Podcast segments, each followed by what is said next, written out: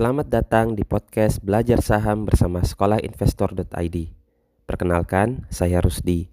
Kali ini akan melanjutkan pembahasan buku karangan Richard Farley dengan judul Taming the Lion, menjinakkan singa, dengan subjudulnya 100 Secret Strategies for Investing atau 100 strategi rahasia dalam berinvestasi. Bagi sahabat yang baru pertama kali mendengarkan podcast ini, Mungkin sahabat pernah mendengar berbagai istilah-istilah dalam belajar saham seperti fundamental analysis atau technical analysis. Nah, secara garis besar buku ini menjelaskan istilah atau tema tersendiri dalam belajar saham, yaitu strategi. Nah, Richard Farley membagi 100 rahasia tersebut ke dalam 10 bab dan tiap babnya dijelaskan 10 strategi. Baik, kita langsung saja masuk ke pembahasan bab 3 yaitu resiko. Berikut ini adalah 10 strategi terkait trade dengan resiko. Pertama, kelola dan hadapilah resiko. Ada sebagian hal-hal ketidakpastian atau random dalam berinvestasi. Oleh karena itu ada risiko, bisa keuntungan atau kerugian. Jangan mengira bahwa investasi ini seperti permainan catur di mana setiap langkah bisa kita prediksi dengan tepat. Namun pahamilah investasi ini seperti permainan backgammon. Yang belum tahu backgammon apaan silahkan di Google sendiri ya. Intinya ada faktor keberuntungan di sana. Jika tidak memahami akan adanya faktor keberuntungan ini cenderung bikin kita berlebihan ketika rugi maupun untung. Ketika rugi kita berlebihan menganalisa kenapa sih kita rugi hingga depresi jadinya. Bahkan kondisi ini membuat makin rugi karena kondisi yang tadi depresi itu bikin terlambat mengambil keputusan. Karena kita terus mengira rencana kita harusnya benar. Nah, ketika untung jika kita tidak memahami akan faktor keberuntungan ini, akan menimbulkan ambisi berlebihan. Kita mengira bahwa rencana kita akan selalu berhasil. Jadi sahabat sekalian, rugi itu tidak perlu ditakuti secara berlebihan, tapi diantisipasi. Sadarilah ketika kerugian muncul, bisa jadi kita tidak ketemu alasan lain kenapa rugi gitu. Bisa jadi sesederhana eh memang tidak beruntung saja. Oke, kita masuk ke strategi kedua rencana investasi yang bagus terkadang bisa membuat kita justru kehilangan uang. Kesadaran akan hal ini akan mendorong kita pada pemahaman bahwa kerugian itu sebuah probabilitas. Juga hal ini membuat kita punya pandangan bahwa pada satu waktu kita bisa untung sebagian dan juga bisa rugi sebagian. Oleh karena itu, ketika kita mengalami kerugian, tanyakan hal berikut apakah peluang investasi itu benar secara fakta dan data adanya atau sebenarnya cuman emosi atau rumor belaka gitu. Apakah juga kita sadar bagaimana pasar bekerja? Apakah juga kita punya rencana cadangan terhadap ide investasi kita atau anomali yang kita temukan di pasar? Apakah keuntungan yang akan didapat sangat layak untuk resiko yang kita rencanakan? Oke, sebagai tambahan, jika kerugiannya membuat baper ya, bawa perasaan, jadikan ya jadikan pelajaran saja dan jangan diulangi lagi. Sadari bahwa kualitas dari sebuah investasi tidak dapat ditentukan apakah kita untung atau rugi. Jadi, hasil dari sebuah investasi tidak merefleksikan hasil dari sebuah rencana investasi yang bagus ketika kita mendapatkan di depan mata sepertinya ini rencana bagus nih. Nah, baru rencana itu tidak merefleksikan bahwa hasilnya jadi nanti itu akan baik. Seperti itu. Nah yang ketiga kondisi tidak simetris membuat banyak investor tertipu. Maksudnya apa nih? Jika ada peluang investasi yang terkesan menguntungkan dari kebanyakan peluang di pasar namun resikonya kerugiannya justru kecil, maka hal ini perlu dicurigai. Bisa jadi justru ini adalah jebakan. Ya. Untungnya tinggi, tapi resikonya kecil, kan tidak simetris. Nah, justru ini ada hati-hati dengan uh, jebakannya seperti itu. Yang kelima, eh yang keempat ya. Kondisi swing di pasar dan tren turun kadang tidak nyaman bagi kebanyakan orang. Namun justru inilah momen adanya keuntungan yang besar. Intinya tetap perhatikan peluang investasi di mana banyak orang tidak melakukannya. Misalnya berinvestasi pada perusahaan yang kecil yang secara fundamental bagus tapi banyak orang tidak memperhatikannya.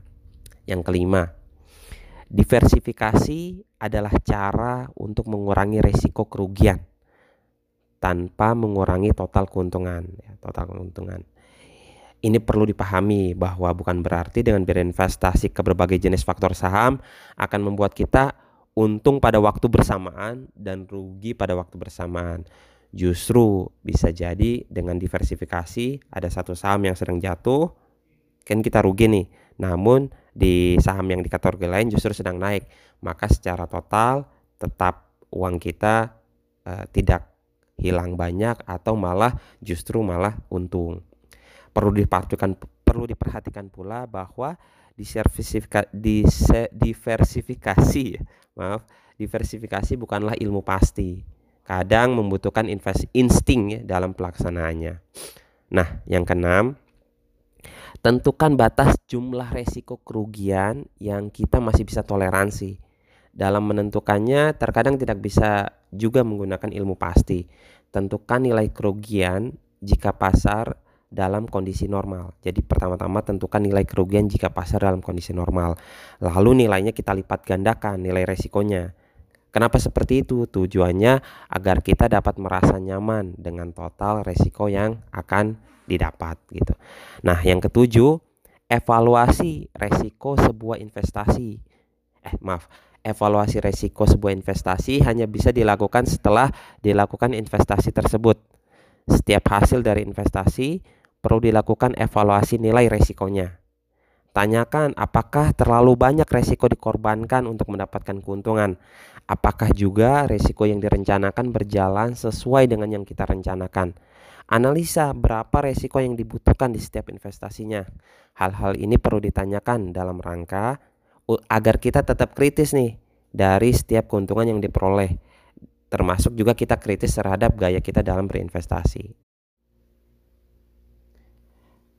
Nah, yang kedelapan, trader yang sukses punya tingkat kualitas tertentu, terutama dalam menghadapi resiko. Nih, di antaranya adalah semangat dan memiliki ambisi untuk meraih sesuatu, termasuk juga kepercayaan diri sendiri. Dia sadar akan kondisi lingkungan di sekitar. Ditambah lagi, dia punya kemampuan menyederhanakan informasi yang beredar. Terus, dia juga bisa menggunakannya untuk menutupi kelemahan dirinya. Intinya sih secara keseluruhan sang trader harus enjoy terhadap apa yang dilakukan dan optimis terhadap resiko yang akan dihadapi. Oke, itu tadi yang ke-8, sekarang yang ke-9. Tekanan dalam trading akan semakin tinggi sejalan dengan resiko yang dihadapi. Ini seperti kita berjalan di atas tali semakin tinggi posisi talinya, semakin besar resiko jatuhnya. Oleh karena itu, pengelolaan emosi penting di sini. Pahamilah keadaan stres emosional hanya akan menggiring satu kegagalan kepada kegagalan yang lain. Oke, terakhir nih. 10. Stop loss adalah dilema bagi para trader bayang ya stop loss adalah dilema bagi para trader nah, namun hal itu kadang harus diambil tuh sebagai sebuah keputusan untuk mendapatkan keuntungan yang lebih besar jadi terkait ide stop loss terima aja kita perlu sadar juga ya bahwa eh, kapan kita perlu melakukan eh maksud saya kapan kita perlu tidak melakukan stop loss Kondisinya seperti apa? Kondisi ketika kita masih punya capital jika terjadi kerugian.